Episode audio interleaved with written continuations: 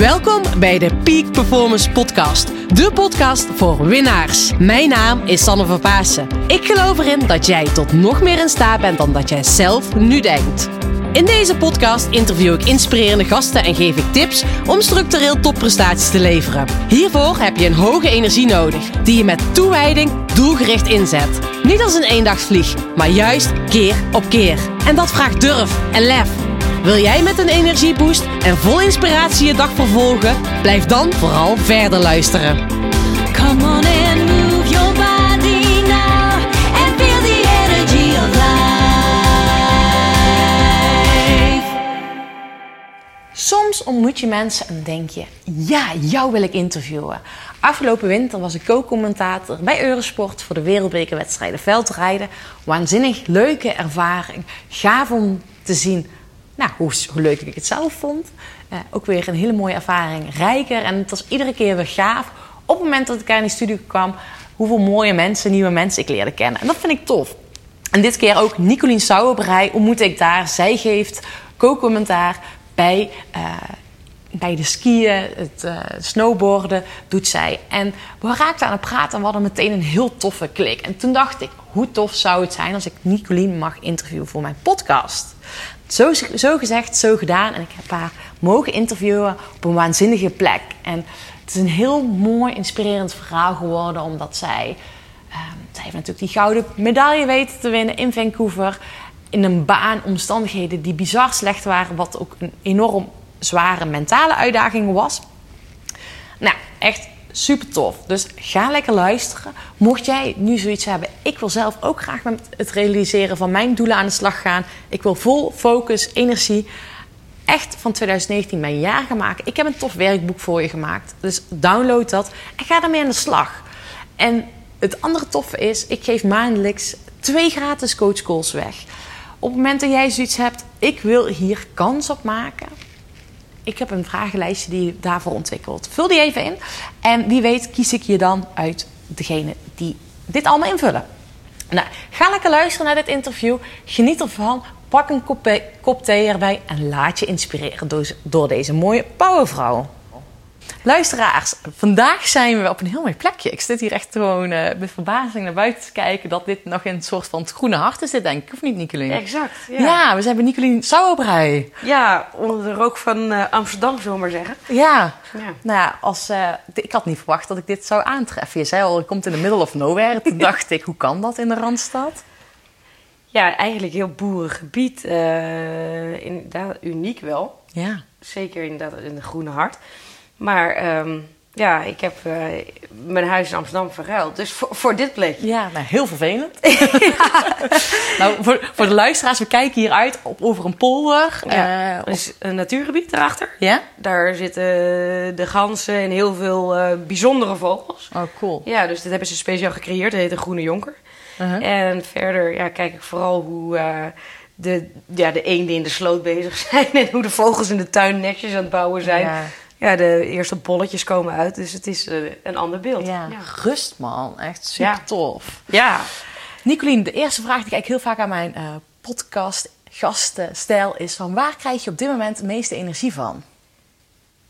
Nou, het klinkt heel, heel erg eh, burgerlijk. Maar wel nu echt van het thuis zijn. Ja? Gewoon, ja, weet je, een, een hele fijne plek. Wat je zegt, ik heb best een heel onrustig leven. Mhm. Met heel veel verschillende dingen die ik doe. Eh, waardoor ik ehm, echt me terug kan trekken thuis. En dan echt gewoon mezelf kan zijn. Mhm. Ja. Gewoon niets. Niets. Niets hoef. Oh man, want Ja. jij zegt een stukje onrustig leven. Nou, Ja.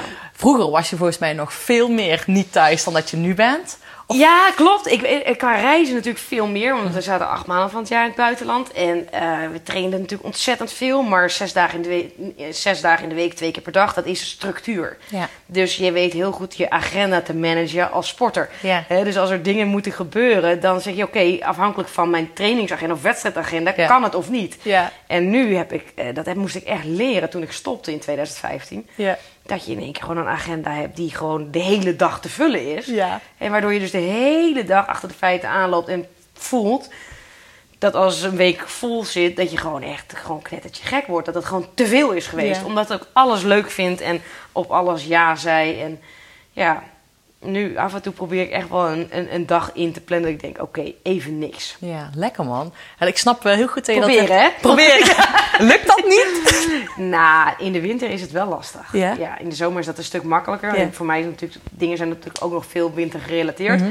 Dus eh, de commentaar bij Eurosport bijvoorbeeld, ehm dat heb ik in de zomer niet. Dus dat scheelt heel erg. Mhm. Maar eigen bedrijf erbij met sportmassage, ehm, ja, lezingen geven voor bedrijven. eh, toch vaak nog ingezet worden voor bedrijven, wat overigens superleuk is. Ja. Net, dat geeft ook heel veel energie, hè? Ja. Alleen te is nooit goed. Dus Nee. te, veel, te veel leuke dingen is ook niet goed. Nee, ja. Nee. En een stukje rust. En Ja. natuurlijk als eh, topsporter zijnde is het natuurlijk ook heel erg belangrijk om uiteindelijk weer fit te zijn. Dat is natuurlijk nu niet anders. Nee, ja, ik, ik merk wel, ik ben eh, sneller geestelijk moe. Mhm. Ja, en, en vroeger, vroeger, dat klinkt zo. Ja, vroeger, toen je klein was. ja, nog steeds. Maar ja, dan had je gewoon, eh, je zorgde echt voor ook de mentale rust. Ja. Hè? En dan had je de fysieke inspanning. Ja. Eh, en daarna gewoon het even niets aan je hoofd Mhm. hebben. En nu doe ik best wel veel dingen waarvan ik het soms best wel heel spannend vind. Nieuwe uitdagingen. Waarvan ik merk dat het me echt energie Ja. Kost, maar ook geeft. Dus Ja. het is een hele grappige... Ja. En soms is er een disbalans, maar over het algemeen geeft de natuur me wel weer balans. Zeg maar. Ja. Nee, sowieso zorg je hier wel Ja. voor jouw huis, zeg maar, voor balans. Ja. Maar het is wel eigenlijk wel bijzonder wat je zegt. Want nu ben je eigenlijk meer mentaal vermoeid, omdat je op nieuwe uitdagingen uitgaat Ja. of aangaat, Ja. die jou aan de ene kant energie geven, maar weer ook weer energie kosten. Neem ons ons mee naar een nieuwe uitdaging, misschien afgelopen jaren, die je denkt, oh, dat kost me eigenlijk wel energie, maar gaf me ook weer energie. Eh, nou, bijvoorbeeld gisteravond. Toen eh, stond ik voor een groep eh, studenten. Mhm. Vertel ik mijn verhaal over omgaan met teleurstelling. Maar ook de, de succesmomenten. Maar dat je als topsporter natuurlijk eigenlijk, hè, als je het over teleurstelling hebt, relatief. Hè, want het gaat om de dingen die je het leukst doet, eh, die je het liefst doet. Maar ehm, het omgaan daar, daarmee, ik, als je kijkt naar mijn carrière, ik, ik heb eh, een fantastische carrière achter de rug. Maar als je kijkt naar 236 keer in de wereldbeker gestart, waarvan 30 keer podium, 10 keer winnen, dan is er minder te vieren dan dat je momenten hebt Ja. gehad dat je zegt van ja, eh, eh, daar, daar, daar moest je weer mee leren omgaan. Alhoewel ik ook altijd wel, vond ik zelf wel sterk, ook heel blij kon worden van een achtste plek bijvoorbeeld, omdat Ja. ik wist dat ik maximaal alles uit mezelf had gehaald. En dan kon ik daar wel tevreden mee zijn. Alleen als je heel vaak op het podium staat, ja, dan Wordt die achtste plek wat lastiger. Ja, dan wordt die achtste plek iets minder. Maar Ja. hoe zorgde jij ervoor dat je toch tevreden kon zijn met die achtste plek? Want had dat mee te maken hoe je dan doelen deed stellen? Of, eh, Ehm, ja, het was ook een beetje afhankelijk van de vorm van het seizoen natuurlijk. S- Soms eh, start ik een seizoen super sterk en dan Ja. stond ik gelijk op het podium. En dat gaf zoveel vertrouwen en vleugels dat ik de rest van het seizoen eigenlijk ongenaakbaar was. Ja. Maar soms merkte je dat je enorm aan het zoeken was naar de vorm, ook mentaal gezien. En dat je dan ehm, een achtste plek kon gebruiken als stap, eh, opstapje richting een, betere resultaat. Of soms was een achtste plek gewoon het enige wat eruit te halen was dat Ja. seizoen. En ja, ik zeg altijd, fysiek kan je alles testen en trainen. Ja. Maar mentaal kan je bijna niks testen. En Nee. eh, je kan het wel trainen, maar dan nog ja. is het per keer, elke keer zo verschillend hoe daarmee om te gaan. Ja. Maar de uitdaging gisteravond was in het Engels Oh, voor een groep van eh 17 tot 21 jaar. En dat was, eh, ja, je merkt wel dat dat wel echt een uitdaging gaf. ja. Ja, Ja, want ook een ja. andere groep of een andere leeftijdscategorie. Ja, leeftijdscategorie waarvan je er niet automatisch van uit kan gaan dat ze je kennen. Dat moet je Nee. natuurlijk nooit doen, dat, Ja. dat, dat je daarvan uitgaat. Maar je, je merkt er wel ehm, dat de beleving die de iets ouderen hebben... Eh, de herbeleving van mijn wedstrijd... want Ja. eh, 5,5 miljoen mensen hebben die wedstrijd live Ja. gezien... Ja, dat was weten gelijk weer... oh ja, toen was ik daar en die hebben een heel mooi plaatje erbij... En, en die, die herbeleving hebben ze dan op dat moment. En nu zit er een groep naar je te kijken en denken... goh joh, ja, oh knap, ja. En je merkt... Ja. Eh, kampioenen in de sport eh, zijn nog steeds natuurlijk wel ehm, gerespecteerd. Maar je, het lijkt wel een beetje, maar dat, misschien klink ik heel ouderwet... dat voor jeugd eh, er meer heroes en kampioenen zijn in, in, op het social media gebied. Hè, de influencers, de, de, namen waarvan ik echt geen idee heb wat ze doen... maar ze zijn heel groot. Dus Ja. ja, het verhaal aan zich was, was, was echt... Ja, ik moest nog met mijn best doen, zeg maar. Terwijl normaal wordt het al heel snel heel, als heel mooi ontvangen. En nu moest ik echt Ja. Maar betekent dat hè, dat je, dat je hè, een stukje, je weet dat, hè, je denkt hier van tevoren over na, andere doelgroep of een specifieke doelgroep en in het Engels. Ja. Ehm, wat doet dat voorafgaand met je? Oh, wedstrijdstress? Wedstrijdstress, ja. Nee, ja. Dan was ik al nieuwsgierig naar. Ja, wedstrijdstress. En hoe tackle je die dan? Eh, nou, door te blijven oefenen, trainen zeg maar. Hè, eh, eh, tot in detail ermee bezig zijn. En al eigenlijk een week van tevoren. Eh, of ik nou de hond ga uitlaten of wat. Ik ben er al maar mee bezig. Ja. En dan om maar zo goed mogelijk voor de dag te komen. En zo goed mogelijk voorbereid te zijn. Ja. En dan nog, hè, de, da- de, de vorm van de dag kan je toch niet beïnvloeden. Nee, ja. En ook het publiek kan je nooit beïnvloeden. Eh, maar ja, het is... eh, eh, ja, je, je, je wedstrijdstress. Zo ervaar ik het wel. Niet fysiek, maar wel mentaal. Ja, met, ja, ik herken het wel, weet je. Vooral als je het podium op gaat. Dat is eigenlijk ook zo'n stressmoment. Ehm, maar dan op het moment dat je dus op dat podium gaat en je wordt aangekondigd, wat doe je dan specifieks? Want op het moment dat je dan blijft denken van ja, shit, wedstrijdstress, eh, spanning. Nee, ja, meestal kom ik dan wel in de flow. ja. Maar ehm, wat ik spannend vind aan voor groepen staan Mhm. is ehm, als ik in wat lege blikken kijk. Ik vind het heerlijk als ik al gelijk gegrepen word en dan zit Ja. ik zelf ook bam erin. Ja. Maar als je in het begin in wat lege blikken kijkt, de, de ogen, de uitstraling, dan eh, kan ik heel snel twijfelen. Ja? Ja, ja. Maar ergens is er dan wel weer iets waardoor ik wel weer het, het gevoel krijg: oké, bam, we gaan het, een stapje extra. Ja. Maar ik, ik vind het niet eng, maar ik, ik vind het altijd nog een mega uitdaging. En Ja. zolang als dat blijft, denk ik ook dat je voor jezelf altijd wel probeert grenzen te verleggen. Ja, ja, dat je aan het groeien Ja. bent. Dan Ja. natuurlijk. Hè? Want. Zolang het niet meer uitdagend is, dan... Dan zou ik het ook niet meer doen. Nee. Nee, want dan breng je het ook niet meer over zoals je Nee. zou willen. Ja. En gisteravond, had je meteen de blikken te pakken of keek je in lege blikken? Nou, dat was, dat was wel even...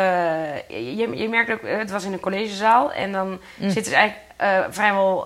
de helft heeft zijn telefoon ook klaar liggen, gewoon op zijn deskje. En daar deden ze niks mee. Maar je weet toch dat als dat er ligt... dat het onbewust wel een, een, een lichtje gaat misschien knipperen. Oh, er komt wat binnen, weet je wel. Dus ja, het was wel... Maar toen ik ze op een gegeven moment had... en dan, meestal lukt dat ook wel heel goed... om in de tegenwoordige tijd mijn, mijn wedstrijd terug te brengen. En ook Ja. te vertellen, ook al heb ik zoveel duizenden uren getraind dat er zoveel twijfel in mijn hoofd zat Ja. voorafgaand aan de wedstrijd. Ja. Dat, je aan, eh, dat je eigenlijk nooit tevreden bent als topsporter. Dat is het eigenlijk. Nee. Daar komt het eigenlijk op neer. ja. En nooit tevreden kan zijn, want je weet nooit hoe de dag verloopt. Ja. Maar ik wist 100% zeker voor Vancouver dat ik eh, op de slechte weer, eh, weersomstandigheden juist had getraind. Mhm. Omdat dat niet mijn sterke punt was. Ja. En toch lag ik de avond voor de wedstrijd daar vreselijk over te piekeren. Mhm. Want ik wist dat het slecht weer ging worden. Ja. En uiteindelijk kwam het natuurlijk met bak uit de hemel. Maar ook het feit dat twee Olympische Spelen niet goed waren gegaan. Dat ik echt dacht van, jeetje mina. Ja. Kan ik überhaupt, als het een derde keer op de Spelen misgaat... kan ik dan terug naar Nederland? Kan, moet ik mijn naam laten veranderen? Ja. Eh, achternaam Oh. is natuurlijk... Was je daarmee bezig? Ja, ja, ja, en dan lig je in je bedje en dan moet je eigenlijk slapen. En dan weet je ook weer dat je geen slaap hebt. En de, de volgende dan misschien daar wel weer last van gaat krijgen. En, Ja. Ja. Je had echt een... Rare, Ja, en rare je- gedachten. Ja, je bent, maar je bent met je ego dan. Weet je, je ego-stemmetjes in je hoofd komen kijken. Kan ik het wel? Lukt het wel? Ben, heb ik ook goed getraind? Nou, bang om te falen. Ja. Weer op een groot podium. Ja. Eh, terwijl ik eerst op de wereldranglijst stond. Hè? Ja. Dus wat was de twijfel? Ja. Totaal onlogisch. Maar dat, ik denk dat topsporters altijd... Ja. De kan, het perfectionisme en de twijfel altijd... eh, dat zijn twee dingen waar je altijd eens mee in strijd bent. Ja. Maar ja, je ben je altijd mee in strijd. En dat heb je gisteravond waarschijnlijk dus ook verteld. Ja. Maar wat gebeurde er? Hoe heb je die- die stemmetjes om kunnen zetten? Door ehm, eh, uiteindelijk het kleiner te maken. Weet Mhm. je, als je al bezig bent met eindresultaat en zo, dan zit je eigenlijk al aan het einde van de wedstrijd. Mhm. Maar in mijn geval, een wedstrijd eh, begint bij twee kwalificatieruns. Ja. En eigenlijk begint het al bij het ontbijt. Ja, tuurlijk. Eigenlijk al misschien al in bed. Met, ja, met het aankleden van hè, hoe bereid je in de ochtend voor. En vooral niet te snel met die focus bezig zijn, maar gewoon het kleiner maken. En dan twee goede kwalificaties in ieder geval neerzetten. En dan pas begint het finale knock- knock-out systeem. Mhm. En door elke tegenstander waar ik twee runs tegen moest, apart eh, te verslaan. In die zin dat ik eerst, eerst de eerste run, dan de tweede run, dan een heat verder. verder en zomaar do- de groeide in de wedstrijd. Echt, echt letterlijk groeide Ja. in de wedstrijd. En ehm, gisteravond zei ik ook, weet je, je kan dromen hebben. Maar als je het kleiner maakt, dan hou je veel meer overzicht. Ja. En dan worden subdoelen, bijvoorbeeld eh, kwalificatie of eh, World Cups richting kwalificatie voor Olympische Spelen, worden dan in één keer veel overzichtelijker. Waardoor je letterlijk gewoon stapjes maakt die jou eh, zorgen dat je dichter in jou, naar jouw doel toe eh, werkt. En dat geeft ook die, die positieve vibe. Dat als Ja. je het goed hebt afgerond, dat je door kan gaan het volgen. Ja. Ja, dat vind ik heel tof Ja. wat je nu zegt. Want ik zie dat bij de mensen die ik begeleid ook. Van. Ook mensen iets ergens van dromen, als ze het klein gaan maken. Dan komen ze gewoon ook in beweging. Ja, en dan, dan gaat de chaos uit je hoofd, Ja. zeg maar. Want hè, hoe ga je een droom verwezenlijken? Nee, ja, waar begin je? Om uiteindelijk zo langzaam richting het doel te werken. Richting de droom of het resultaat waar je mee bezig bent. Maar dat heb je waarschijnlijk al vaker van tevoren gedaan. Maar op het moment dat je dan met zo'n Olympische Spelen weet dat je eigenlijk denkt: oké, morgen of vandaag moet het gebeuren. Dan moet je het maar echt doen om het zo te gaan Ja. zien. En die dag, die, die hoeveelheid regen die naar beneden kwam, die gaf zoveel afleiding. Dat ik er echt moest blijven focussen op mijn eigen techniek, mijn tactiek. En al maar terug in mezelf. Terwijl Ja. ik eigenlijk een atleet ben die altijd om zich heen keek. En vooral de impulsen van buitenaf eh, gaven mij energie. Ja. Want dan stond ik gewoon, dan had ik overzicht. Weet je, Ja. dan, had ik, dan, dan wist ik waar ik mee bezig was. Maar op die dag, ik hield wel mijn concurrentie heel erg in de gaten. Maar eh, als je niet oppaste in, in, de, in de focus, dat je gewoon in één keer bewust was van het feit dat je zeik en zeiknat was. Dat de handschoenen die je aan hebt gewoon echt gewoon koud en vies zijn. En dat je ze niet eens meer uit kan doen, want dan komt de hele binnenvoering eh, eruit. Ja. Weet je wel, gewoon die rare kleine dingen die je normaal in een World Cup wedstrijd nooit zal hebben. Want dan had de wedstrijd gewoon afgezegd geweest. Eh, maar dat al die dingen die je constateert, dat je dat los moet laten. Ja. Terug weer naar wat, waar ben je goed in, Ja. naar jezelf. Ehm, wat ga ik nu doen? Oké, vol in de aanval. Ik leg de druk gelijk bij de ander neer. Zo. Ja, oh gaaf. Dus elke keer concentratie op jezelf. Ja, en daardoor, buiten het feit dat, dat, dat je maximaal in, in een afdaling gaat, zeg maar, hè, met de, de kracht op je benen, de druk, ehm, is ook gewoon de, af, de concentratie. Ja. Die laatste twee runs, die moet je echt uit je tenen halen. Gewoon jezelf kwaad maken. Ja. Weet je wel, van joh, Ja. niet je kop laten halen. Nu gaat het erom. Ja. Nu, nu heb je de kans. Ja, en je bent er de hele dag al mee bezig. Kapot. En focus en al die runs. Maar moet je elke keer zelf, weer opladen. Ja, ja, tien keer uiteindelijk.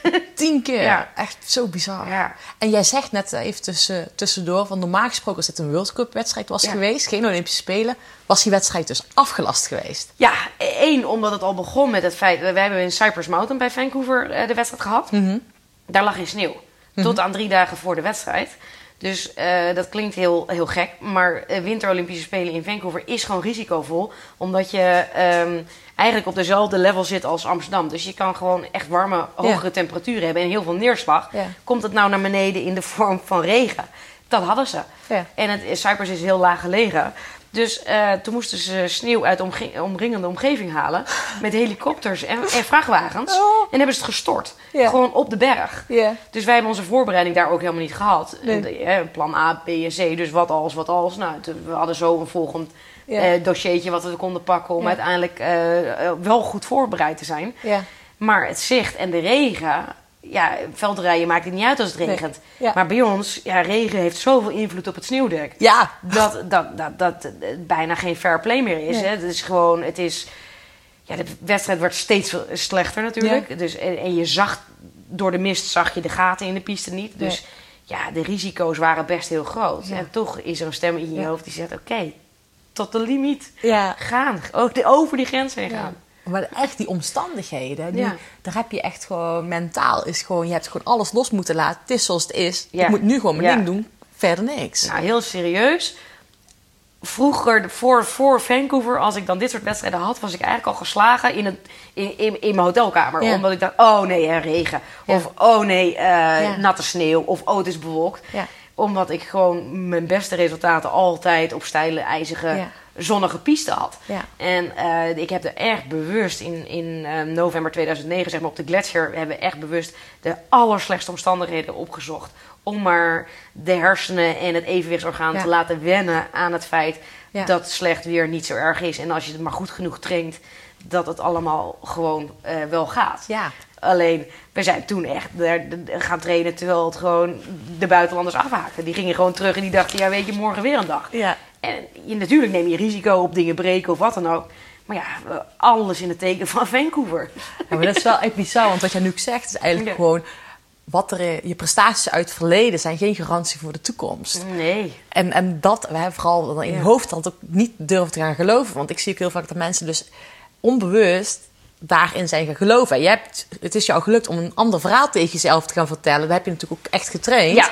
Maar dat heb je mentaal ook echt omgezet. Ja, maar dat, kwam ook omdat je... Ik heb heel erg de, de wereldbekers en de, de spelen van daarvoor allemaal gebruikt als leermomenten. Ja. Zowel de goede dingen eruit gehaald Ja. als de dingen die beter konden. Ja.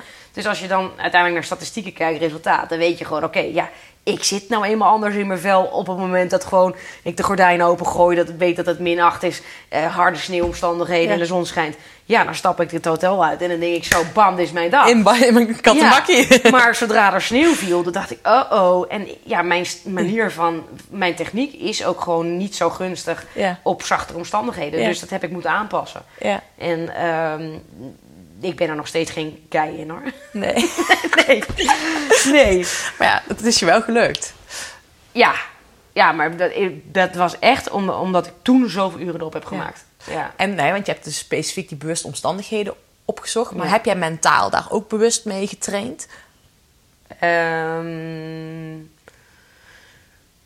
nou, ik wi- wist dat ik mentaal sterker werd op het moment dat ik die omstandigheden beter onder, onder de knie ging krijgen. Mhm, Dus dat, dat is een beetje een kip en het ei verhaal. Hè? Dus eh, eh, eh, uiteindelijk ehm, hielp het allebei. Ja. Doordat de resultaten in de training steeds beter werden onder slechte omstandigheden, kreeg ik steeds meer vertrouwen uit het feit dat ik Ja. het wel kon. Ja, Dus echt wel super, super strategie geweest om dus die, die Ja. omstandigheden op te zoeken. Ja, anders was het, was het eh, ook al sta je eerst op de wereldranglijst. Je, wat je zegt, je kan nooit terugvallen op van oh, toen of toen. Want Nee. elke wedstrijd is weer anders. En hè, tijdens de Olympische Spelen is de druk zo genadeloos. Ja.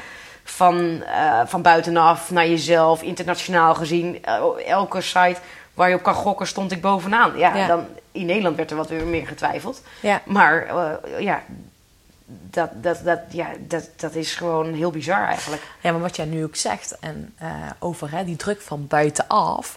en het is me, met de Olympische Spelen. Ik ben nu ook een paar sporters aan het begeleiden die Ja. ook in de race zijn voor de Olympische Spelen. Echt supertalenten zijn. En weet je, dat doet ook iets met je. Weet je, wat de media, weet je, je verwacht natuurlijk al media. Had natuurlijk ook Ja. andere Spelen meegemaakt. Maar die media-impact is denk ik ook wel echt gewoon... Oké, ja, ik ben hier voor mezelf. Ja, weet je, je, maakt wel, je maakt wel afspraken. En eh, in, dat, ten opzichte van Salt Lake, dat waren mijn eerste spelen in Ja. 2002.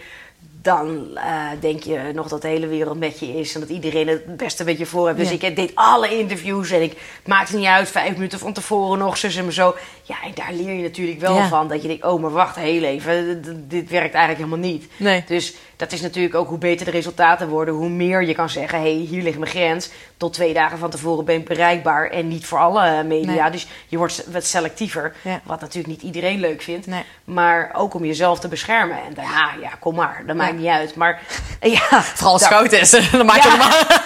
Nee, ja, eh, maar daarvoor, nou, en dan bovendien, ja, de- eh, ik, ik, ik ben altijd wel wat, wat kieskeuriger geweest, omdat ik mensen die ik kon vertrouwen in de journalistiek vond ik heel belangrijk. Ja. En ja, soms merk je wel eens dat de mensen daar, eh, dat dat niet te vertrouwen was. Dus Nee. dan, ja, maar daar zei ik ook heel eerlijk van, joh, luister, eh, jij zat eventjes op het minst belangrijke plan voor mij. Ja. Eh, die en die, die gaan voor. Ja, Ja, dan wist men wel wat ik ervan vond. ja.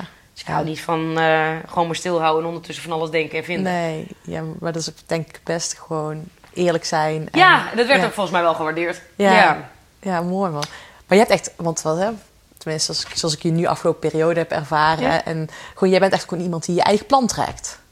Ja, wel heel erg, denk ik. Ja, nou, sowieso natuurlijk als je eh, voor uiteindelijk in snowboardsport groter wordt en je woont in Nederland, dan heb je al een beetje een probleem. Ja. Dus dan moet je een eigen Ja. plan trekken. Ja. Dus, eh, ehm, en eh, een stukje eigen wijsheid heeft er altijd wel in gezeten. En dat heb ik niet van een vreemd, dat komt van, wel van mijn ouders. Maar niet in die zin eigenwijs van, eh, ik, ik, ik noem het niet vervelend, maar meer gewoon van, joh, waar een wil is, is een weg. Dus als het niet linksom gaat, gaat het wel rechtsom. En ehm, eh, daarin ben ik in mijn jeugdjaren natuurlijk enorm gesteund door mijn ouders. Van joh, luister, ja, we gaan het gewoon proberen. En we zien het wel welke kant we uitgaan. En uiteindelijk, als het maar uiteindelijk richting het doel gaat wat je zou willen. Ja. En als jij maar gelukkig bent. En ehm, ja, daardoor hebben we wel echt ons eigen, eigen pad bewandeld. Ja. Ja, vind ik echt heel gaaf. En dus, hè, wat je net zei, je net ook al, met een stukje je droom. En uiteindelijk die kleiner maken, Ja. stapjes kleiner maken. Ja. En waarschijnlijk heb je dat vanaf jongs af aan bij je gaan kijken. Dat is jouw droom, we kunnen wat doen. We zien het wel, en daar stapsgewijs tussen haakjes naartoe gewerkt. Nou, heel eerlijk, mijn grootste droom was mezelf altijd maar te blijven verbeteren, sneller te maken, beter te maken. En het maakt niet uit of het op een snowboard was. Nee. Dus ik ben in een eh, behoorlijk sportief gezin opgegroeid. eh, waarvan sport wel als dusdanig werd gezien. Mijn ouders hadden echt de visie van... joh, zodra jij veel sporten kan... zal je sociaal en motorisch je al zo sterk ontwikkelen... dat je eigenlijk ehm, nooit langs de zijlijn hoeft te staan. En eh, als kind. Dus eh, qua zelfvertrouwen, et cetera. Dus zij dachten echt dat sport in die zin ook heel erg zou helpen in de ontwikkeling van ons, van mijn zus en mij. Maar zij hebben, eh, en, en bovendien vonden ze het alles leuk. Ja. En dat hebben ze ook aan ons meegegeven. Dus wedstrijdsport was bij ons niet in vragen. Want mijn moeder heeft er gewoon echt eigenlijk een hekel aan. Die snapt er geen zak van. Eén, dat je gewoon... ehm, ja, de, de- in topsport is natuurlijk... Of in sport is er vaak toch wel rancune. Je ziet Ja. het al bij ouders langs de zijlijn. Ja, ja. Ehm, maar ook gewoon het feit dat je elke keer de teleurstelling opzoekt... Die eigenlijk niet hoeft. Ja, ja, Dus die zei van, joh, ik snap, ik snap niet waar jullie mee bezig zijn. ja, ja. Dus ja, het, het is allemaal per toeval gebeurd. Maar alles met de basis van, ik, wil, ik zie de uitdaging om maar beter te willen worden. Ja, ja. En dan ben ik wel heel nieuwsgierig, ja, want dat is dan heel mooi dat je echt vanuit intrinsiek van jezelf om jezelf Ja. te verbeteren en overdragen. Van daarom ben je dit pad bewandeld en uiteindelijk, volgens mij is het ook altijd de beste waarom je zo ver bent gekomen, omdat dat er ergens in je een drive zit, ik wil mezelf verbeteren. Ja. Ehm, nou, ja, niet toevallig is daar die, die, die medaille uitgekomen, maar wel gewoon omdat je dat zelf heel graag wilt. Ja, nou, met een hele lange adem en heel veel, eh, heel veel incasseren natuurlijk Ja. ook. Maar uiteindelijk als ik op terugkijk, denk ik, ja, het heeft me echt gevormd tot wie ik ben. En dat Ja. klinkt heel cliché, maar dat, Ja. dat is echt zo. Gewoon leren doorgaan. En zeker, er zijn niet, alle- alles is niet vanzelf gegaan en niet even makkelijk. Maar als je steeds terugvalt met eh, waar, waar je het meeste plezier uit haalt. Ja. En dan was je gewoon terug de piste op. En toevallig dat het snowboarden is geworden, dat meen ik serieus. Maar in, in heel veel sporten had ik dat gevoel van... Ik, ik, ik, ik wil gewoon maximale eruit halen. En eh, eh, ik was zes of zo dat ik een eh, eenwieler kreeg. Ja. En ik denk dat dat het mooiste voorbeeld was. Dat ik gewoon daar zo mijn grenzen in verlegde.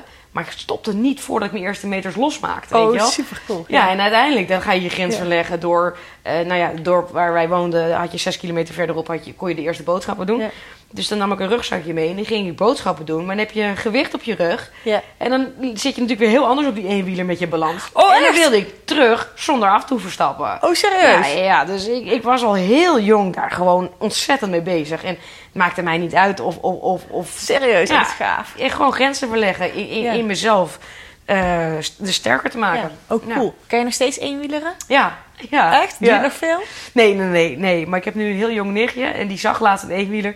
En die zei, oh, dat wil ik ook. Maar ze is pas drie. Oh, echt? Nou, ik heb er nog twee liggen. Dus we gaan zoen gaan we beginnen. Oh, lachen. Leuk, man. Oh, dat is wel echt heel gaaf. Superleuk. En hoe doe je dat, hè? Want ondertussen ben je een tijdje gestopt. En ehm, heb je nog steeds die drive en ambitie om jezelf steeds te blijven verbeteren? Ja, wel in de dingen die ik doe. Mhm. Maar ik ben, niet, ik ben nooit zo ambitieus geweest dat ik echt eh, altijd voor. Ik, ik wil al. Ik, ik, weet je, ik, ik word nu het meest blij om mensen blij te maken. Mhm. Daar word ik het meest gelukkig van. En eh, ik heb helemaal niet het gevoel van, joh, ik moet op de, ergens op de maatschappelijke ladder helemaal bovenaan komen te staan. Of een bepaald salaris willen verdienen of wat dan ook. Ik heb geen bovengrens eh, in dat soort dingen. Dus ik noem mijzelf zeker niet ambitieus. Eh, ik wil gewoon blij worden van de dingen die ik doe. En dat Mooi. was ook op een snowboard. Ja, Ja. dat is ook wel gaaf. Ja, ja en ik, ja, wij zitten hier nu in, in je huis, Ja. die je zelf hebt gebouwd. En wat ik net opviel toen je dat vertelde, zei je, ja, hè, je of behoorlijk lang, nou, je hebt anderhalf jaar gedaan om Ja. dit huis te bouwen. Je zegt, ik heb er zoveel van geleerd. En dat is eigenlijk ongeveer Ja. wat automatisch in je opkomt van, weet je wel, zo'n mooi proces geweest. Dat je jezelf daarin wel triggert om, hè, ook met Ja. het podium staan. Hoe kan ik mezelf toch wel steeds uitdagen op jouw manier? Ja, absoluut. En, en, en zeker als het op andere vlakken is, vind ik dat superleuk. En eh, ja, je, weet, je weet in één keer zoveel van de bouw. Dat je Ja. overal waar je rijdt, eh, eh, eh, denk je... oh, we zitten nu in die fase, oh, we zitten nu daar. En ja, je, je, je, je beseft in één keer ehm, ja, hoe, di- hoe dingen lopen. En eh, ik, ik, vind, ik vind het altijd superleuk om te blijven leren. Maar dat is ook met anderen praten, et cetera. Dan gaat hier mijn wekker tussendoor volgens mij. Oh, eh. je wekker? Hoe laat is het? Jij hebt echt een ander leven nu. Nee. Ja, ik, ik heb echt een ander leven met. eh, een heel voorbeeld. Nou, ik heb een wekker staan die me af en toe remindt om positief te denken. Oh, wat goed. Dus dat is een wekker die nu dus ging van Sanna, Ja. weet je wel, van af en Nou, toe. Ja. Lukt het? Nee, ja, eigenlijk heb ik het niet meer nodig. Nee, hè? Oh, wat grappig. Ja. Maar eh, dan ga je voor jezelf echt kijken wat is er goed verlopen. Ja, ja, Ja. ja. Ja. want ik geloof, ik geloof er heel erg in. Weet Ja. je, van op het moment dat jij Tuurlijk. lekker in je vel zit, hoog in energie zit, dan straal je dat ook uit naar de mensen om je heen. Ja. En jij zegt ook, ik wil andere mensen gelukkig maken. Daar herken ik mezelf ook in, Ja. weten van ik wil Enorm gewoon... pleasen. Ja, dus zo wil ik het zelf niet noemen, maar... Ja, nee, eh, is misschien niet het goede woord, maar wel als iemand blij, en dat is met de presentaties ook, als mensen naar huis gaan en zeggen, oh wauw, wat inspirerend. Nou jongen, dan is mijn avond echt geslaagd. Ja. Met de massage, idem dito. Ja. Als mensen naar huis gaan en zeggen, nou wat een verschil met hoe ik kwam en nu.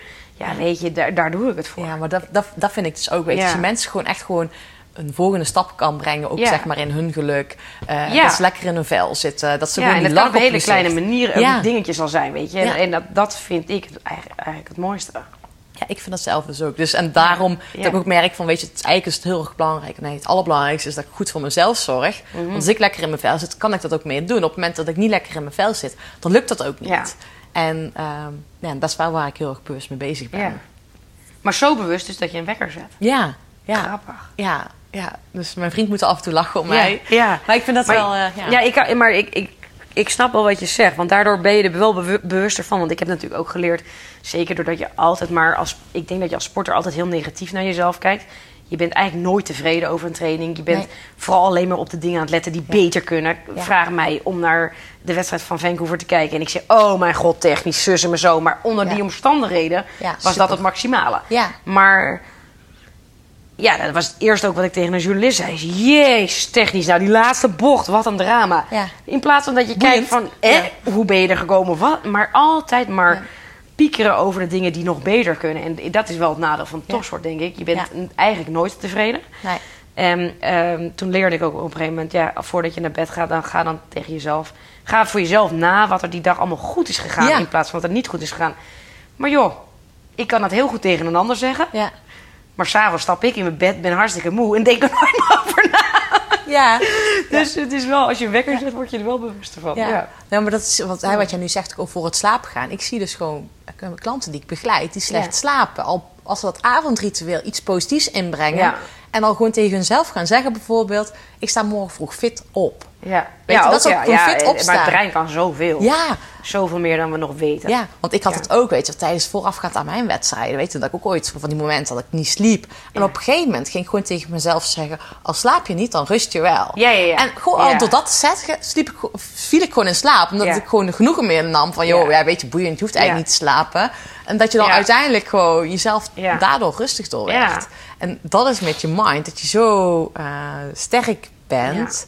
Ehm, en dat is wel heel gaaf. Ja. ja, maar je weet, het is natuurlijk, je kan met je hoofd zoveel meer dan, dan dat je denkt dat je Ja. kan. En Ja, ja. daardoor grenzen gigantisch kan verleggen. Fysiek ook. Ja, ja fysiek sowieso.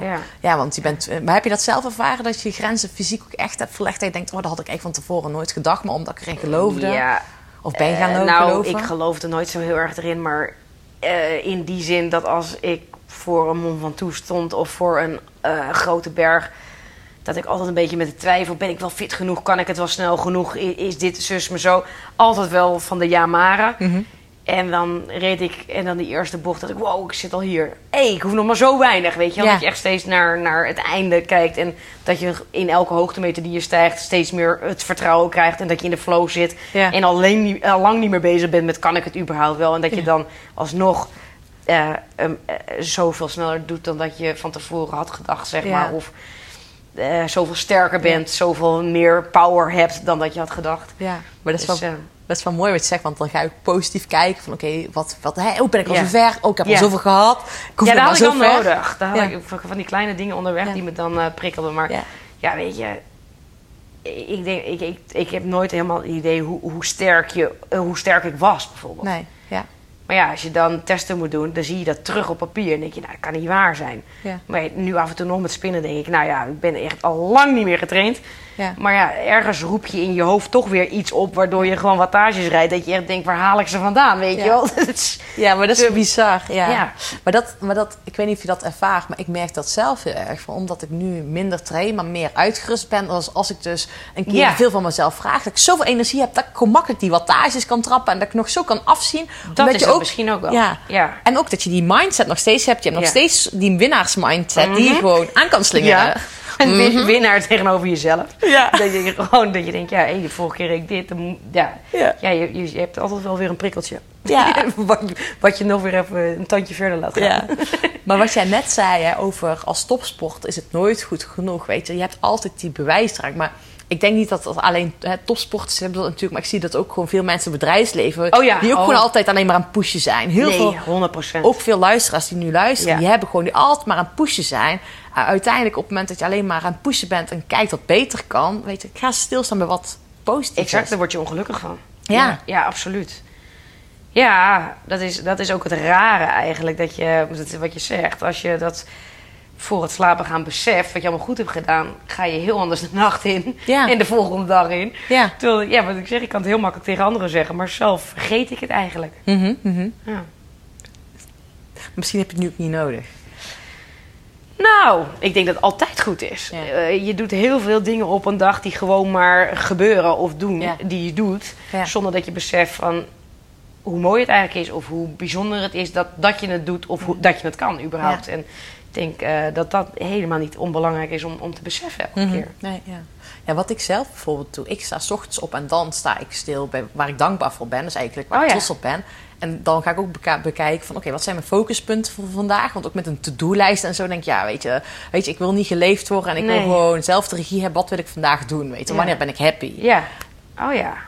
Dat, is, dat is wel echt, het werkt wel heel fijn voor mij, weet je, om Ja. op die manier gewoon even kop thee, even op te schrijven en dan beginnen. Ja. Dat snap ik. Ja, nee, ik, ik zal zeker dat soort dagen ook hebben. Dat je gewoon tijdens het honden uitlaten of zo. Dat Ja. je echt dan gewoon zo'n lekker bezinningsmomentje Ja. hebt.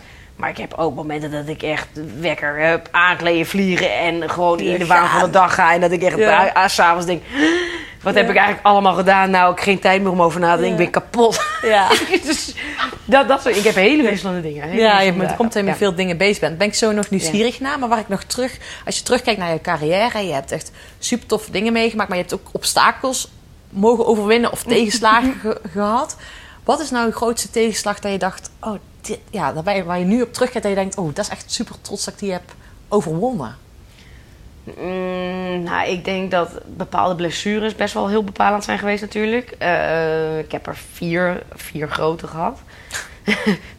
op zich op 20 jaar is dat niet zoveel. Maar wel, wel, wel gewoon dat je van echt top en top fit... in één keer wordt uitgeschakeld door je eigen lijf. Ja. En eh, dat, dat vond ik... Ik heb dat ook wel weer teruggebracht en altijd naar het hele kleine. Hè? Gewoon eh, topsport loslaten en gewoon in één keer volle focus op die kleine stappen binnen een revalidatie.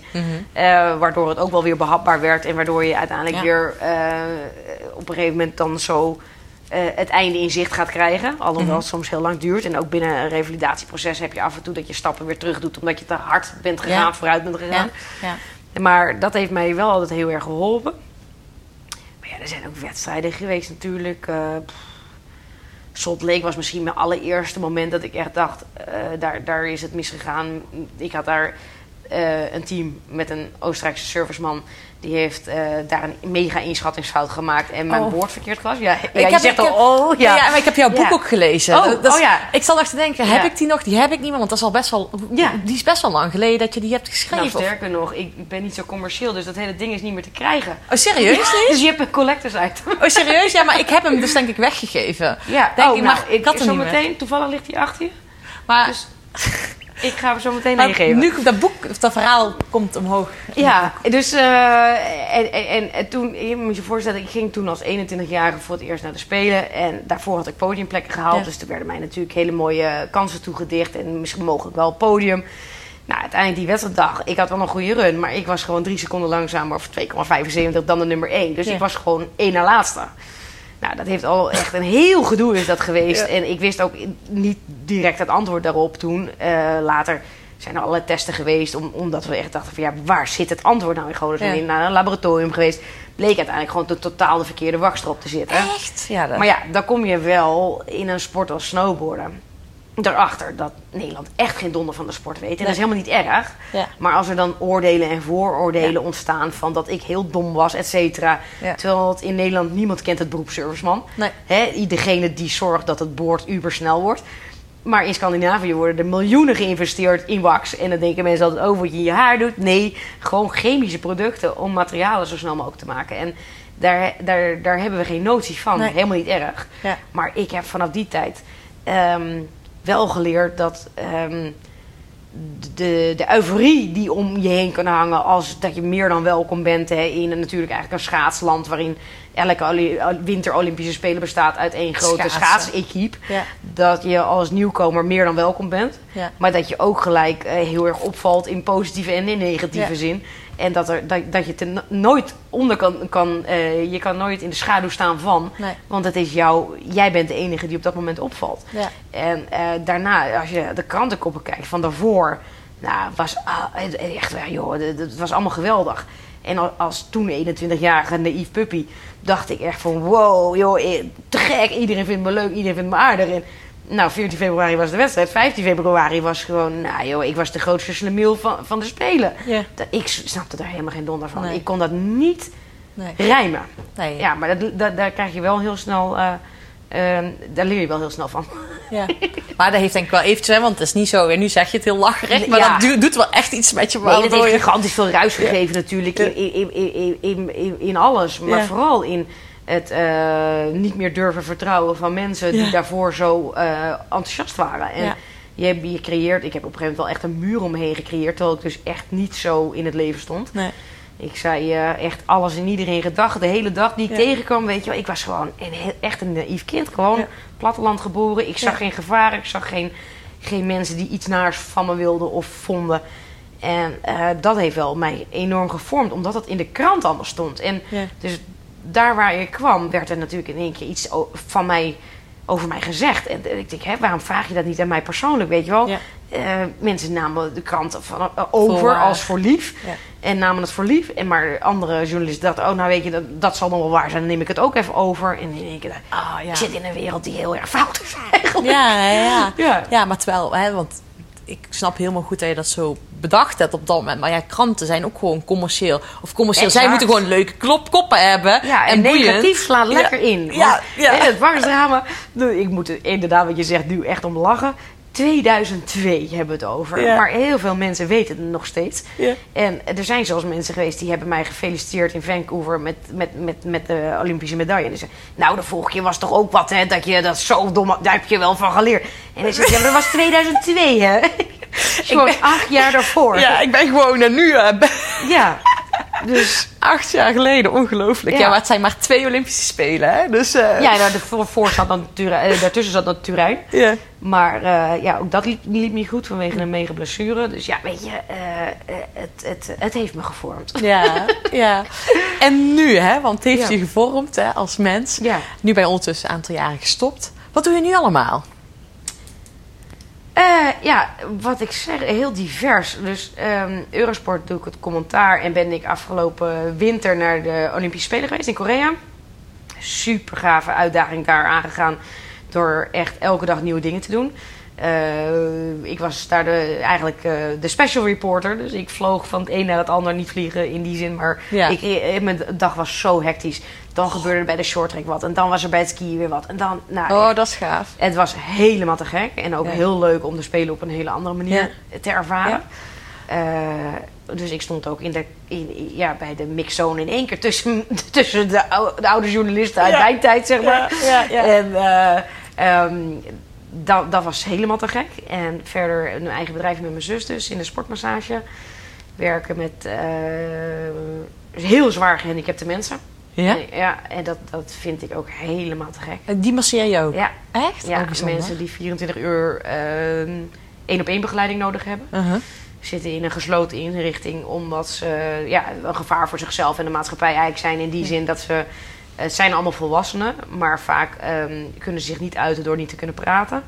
worden daardoor vaak niet begrepen. Dus er is veel irritatie en agressie. Oh, ja. Ehm, en die, die masseren wij, waardoor eh, de mensen en de begeleiding en, en, en de, de, de persoon in kwestie eh, heel erg kan ontspannen. Oh. En als je ziet wat je daarmee kan bereiken, dat is echt zo ontiegelijk mooi.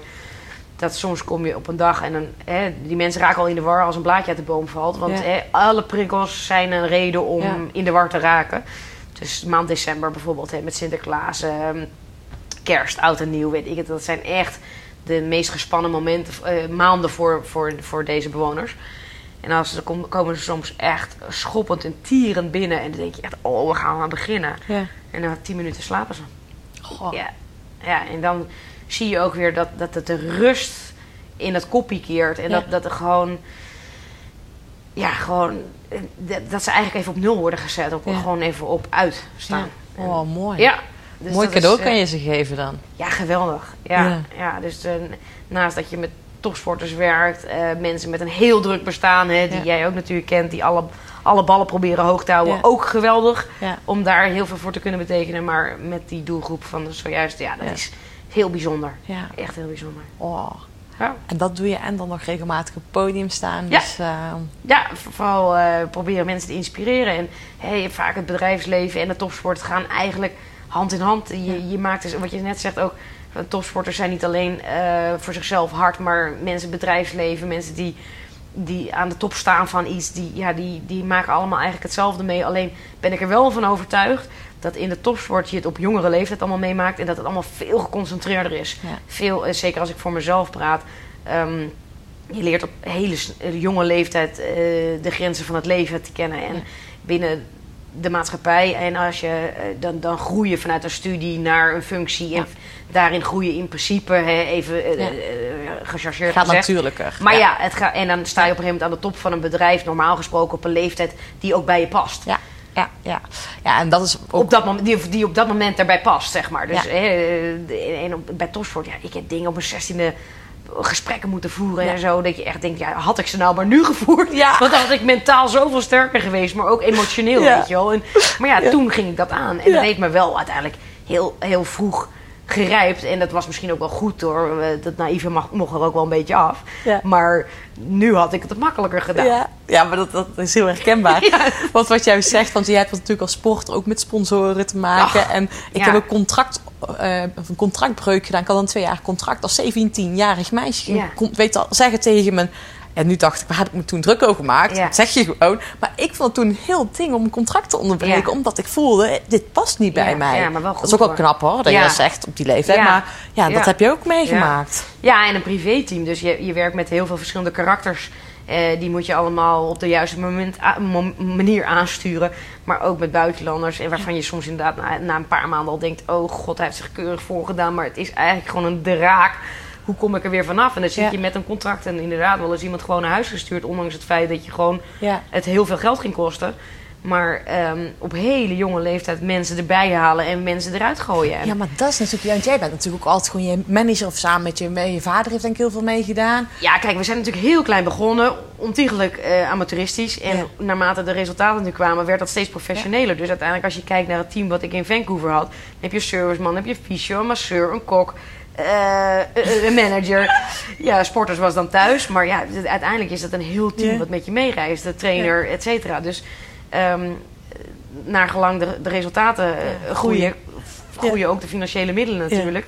En, eh, en eh, ben je uiteindelijk een, een heel eh, bedrijf wat onderweg is van A naar B. Ja, en dat is wel bijzonder. over. Ja, dat is echt wel. En daar groei je qua persoon ook in. Eh, Ja. En eigenlijk was jij, want jij was toen volgens mij, als ik net goed heb geluisterd, 28 of 29 in Vancouver. Nee, ouder denk ik. Je zei 21 Salt Lake City. Ja, Dus acht jaar later. volgens mij. Ja. Nou, maakt ook niet Ah. uit. Maar in ieder geval, toen was je al een heel bedrijf aan het Oh, runnen. maar ik ben nu al... eh Wat je? terugrekenen. Nee, eh, nee, even kijken. Ja, jij bent nu toch net 35, toch? Ja, nee, ik ben 25 geworden. Nee man, ik ben nou al 39 hè. Dus het is 9 jaar geleden, dus ik was 30. 30, Ja, ja. ja, ja. Ja, ja. Even naar de klopt het allemaal, ja. nou meer het besef dat het allemaal zo snel gaat. ja bizar, hè? Ja. ja. Dat is al 9 jaar geleden, ja. Ja. Ja, 26 februari. 2010. 2010, 2019, negen Ja. jaar geleden. Ja. En wat is in die tussentijd alweer zoveel mooie dingen gebeurd? Ja, ik ben natuurlijk nog tot Sochi doorgegaan. Mhm. En een jaar daarna zelfs nog. Ja. Want Sochi verliep totaal niet zoals ik had gewild. Dacht ik, ja, om nou een carrière die eigenlijk zo mooi is geweest... met zoveel plezier beleefd... Ja, daar werd mijn plezier volledig ontnomen. ja, Allerlei factoren die daar eh, invloed op hadden. Maar in ieder geval, ik dacht, nou oké, dan gaan we nog één jaar door. Ik moet gewoon met die glimlach afsluiten. ja. En eh, ik ben heel blij dat ik zelf heb kunnen bepalen... eh punt achter de carrière te Ja. zetten... in plaats van dat mijn lichaam het heeft bepaald. Want Ja, snap ik, ja. je merkt wel dat daar een groot verschil in zit. Als je het zelf bewust gewoon naar dat punt toewerkt, dat je dingen heel bewust meemaakt en dat je gewoon tevreden afsluit.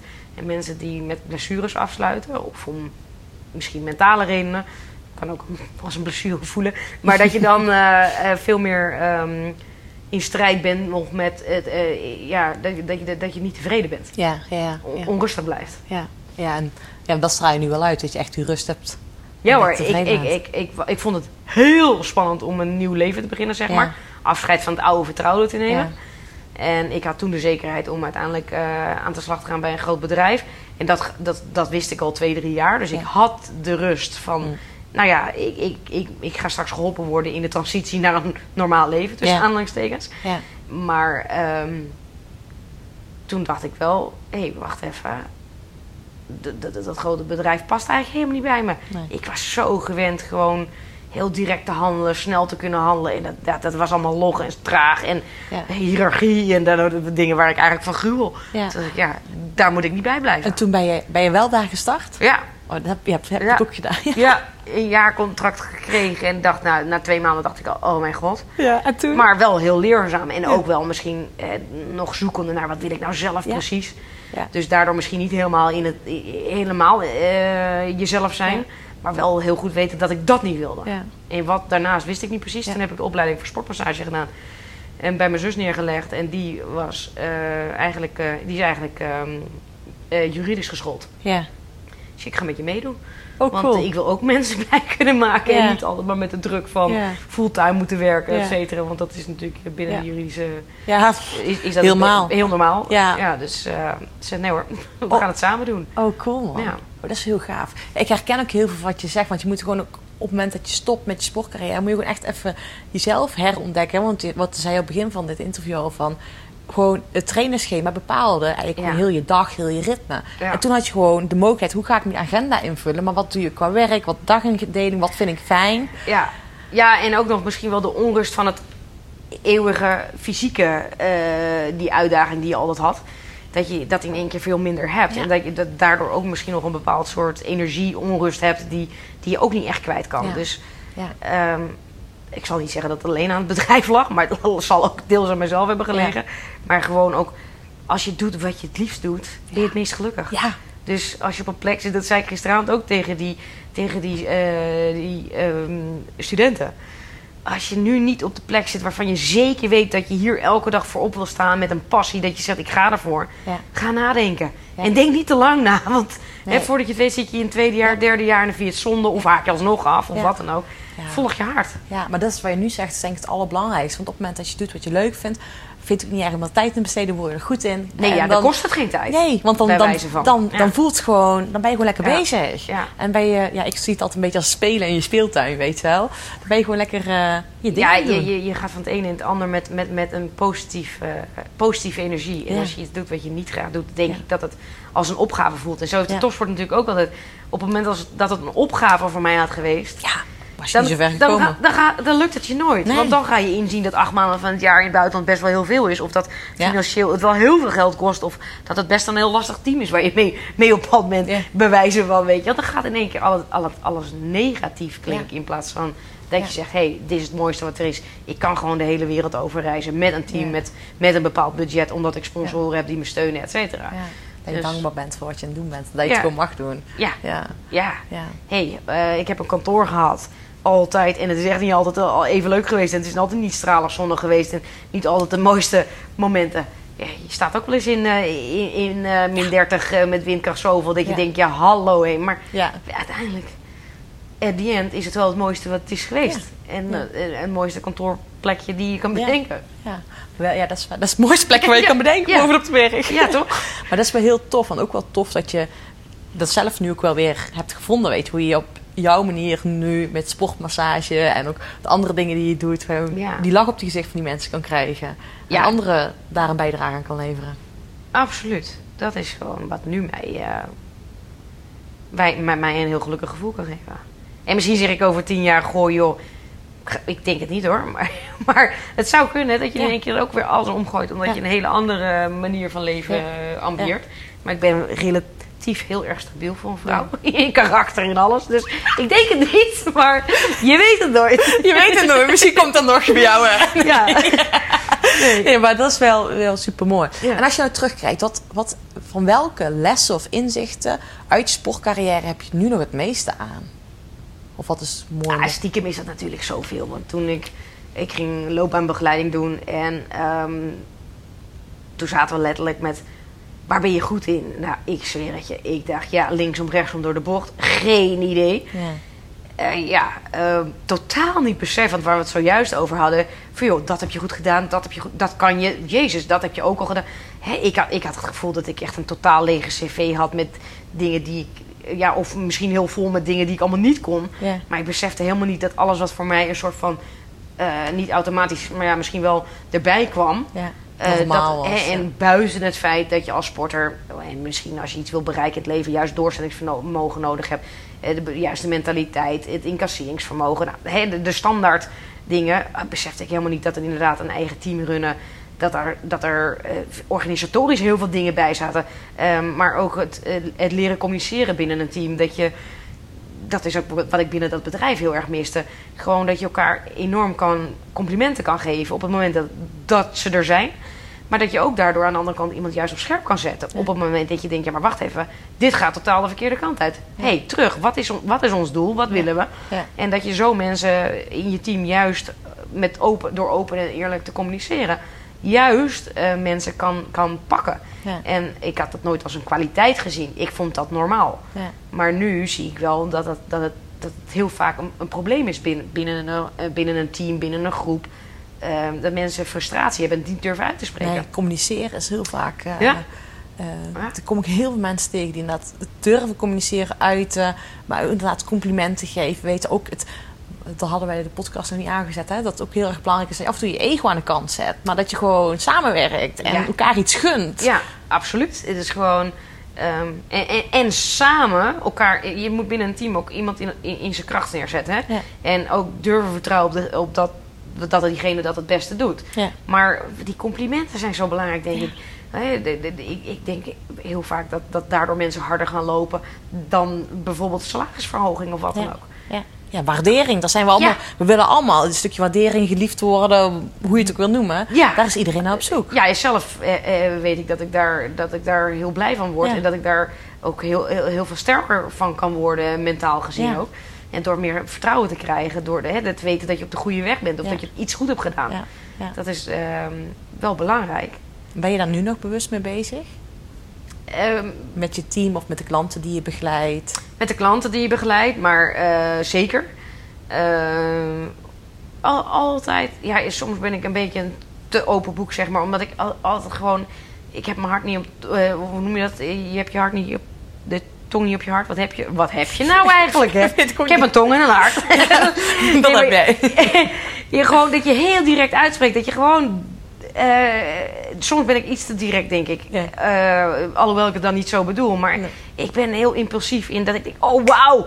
Of "Goh, jezus man, hé. Weet je wel? Ja. Dus eh, ik, ik, ik, ik uit heel erg mijn gevoel. Ja, ja maar dat is, dat is denk ik heel fijn om iets samen te Weet je wel, waar je niemand hebt, Ja. Ja. toch? Ja, ik, je, je, what you see is what you get, Ja. om het zo maar te zeggen. Ja, ik ben niet...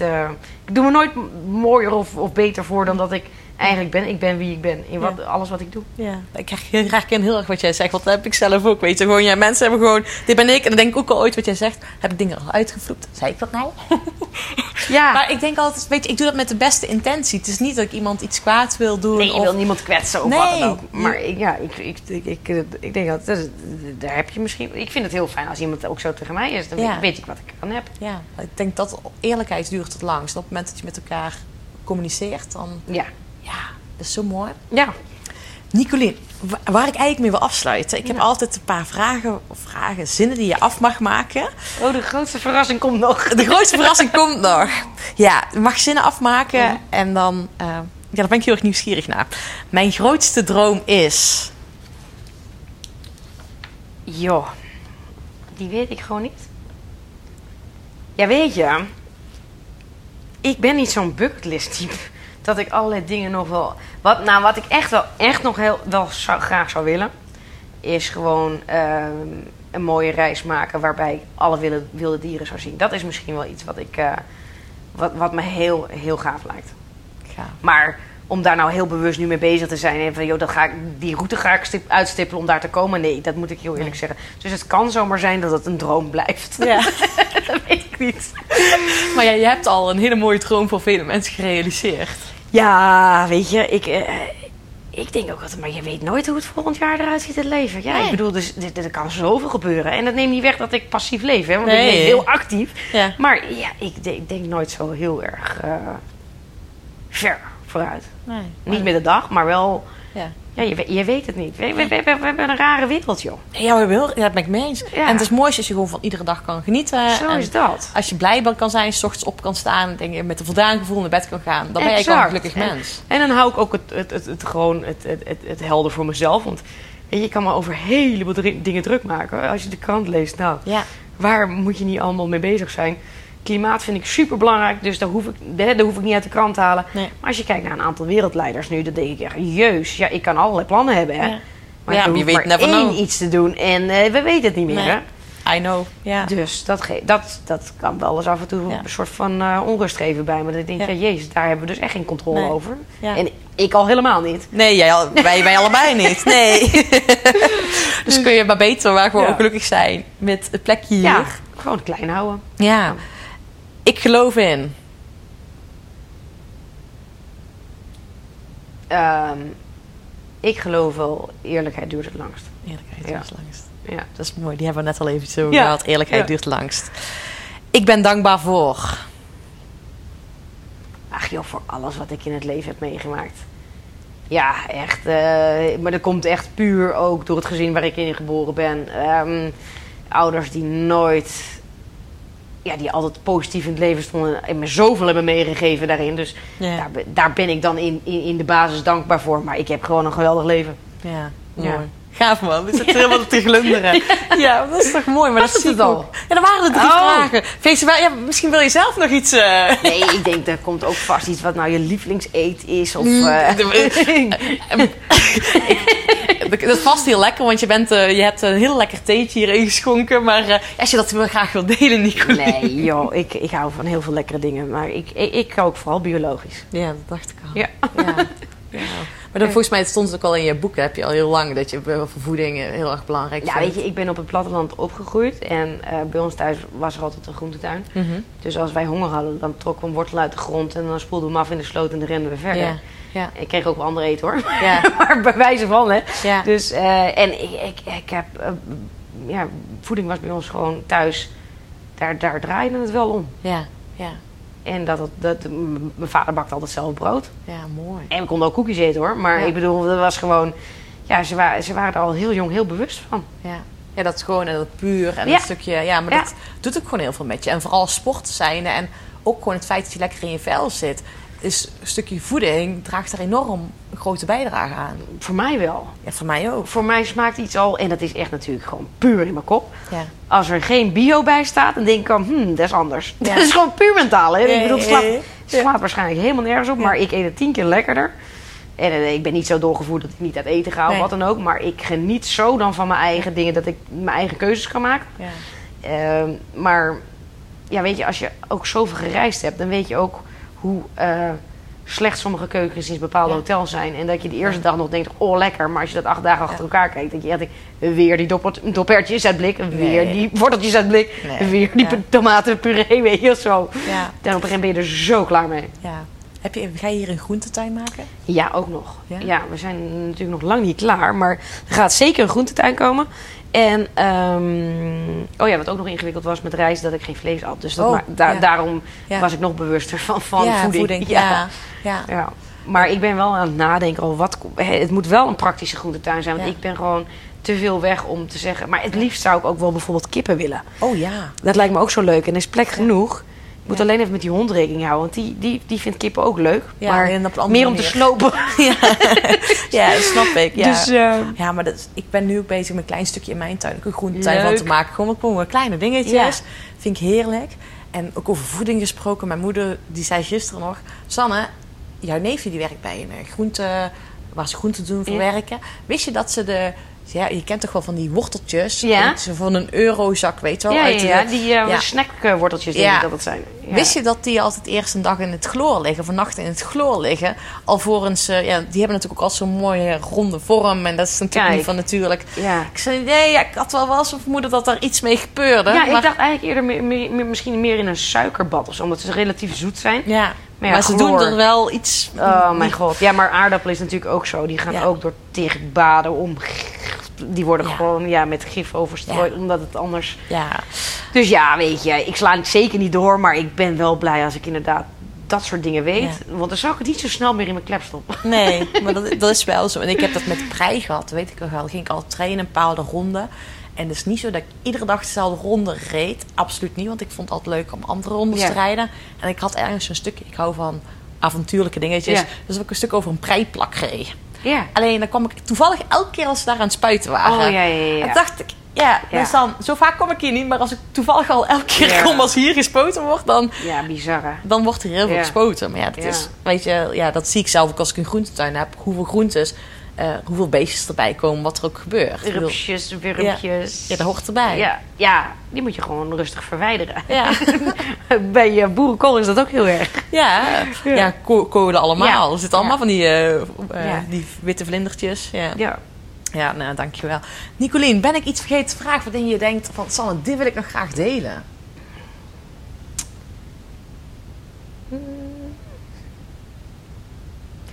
Nee, het wordt akelig stil. nee, ik heb geen... Nee joh, we hebben het over... We hebben een leuk gesprek gehad. Ja, dat vond ik ook. Ja, Ja. ik vond het ook een heel mooi gesprek. Ja, we kunnen nog een uren door. Ja, ik wou net zeggen. Dat doen Ja. we zo wel. Dat als doen we je zo op, wel. Op hebt gedrukt. Nou, we gaan opzetten. Dankjewel. Graag gedaan.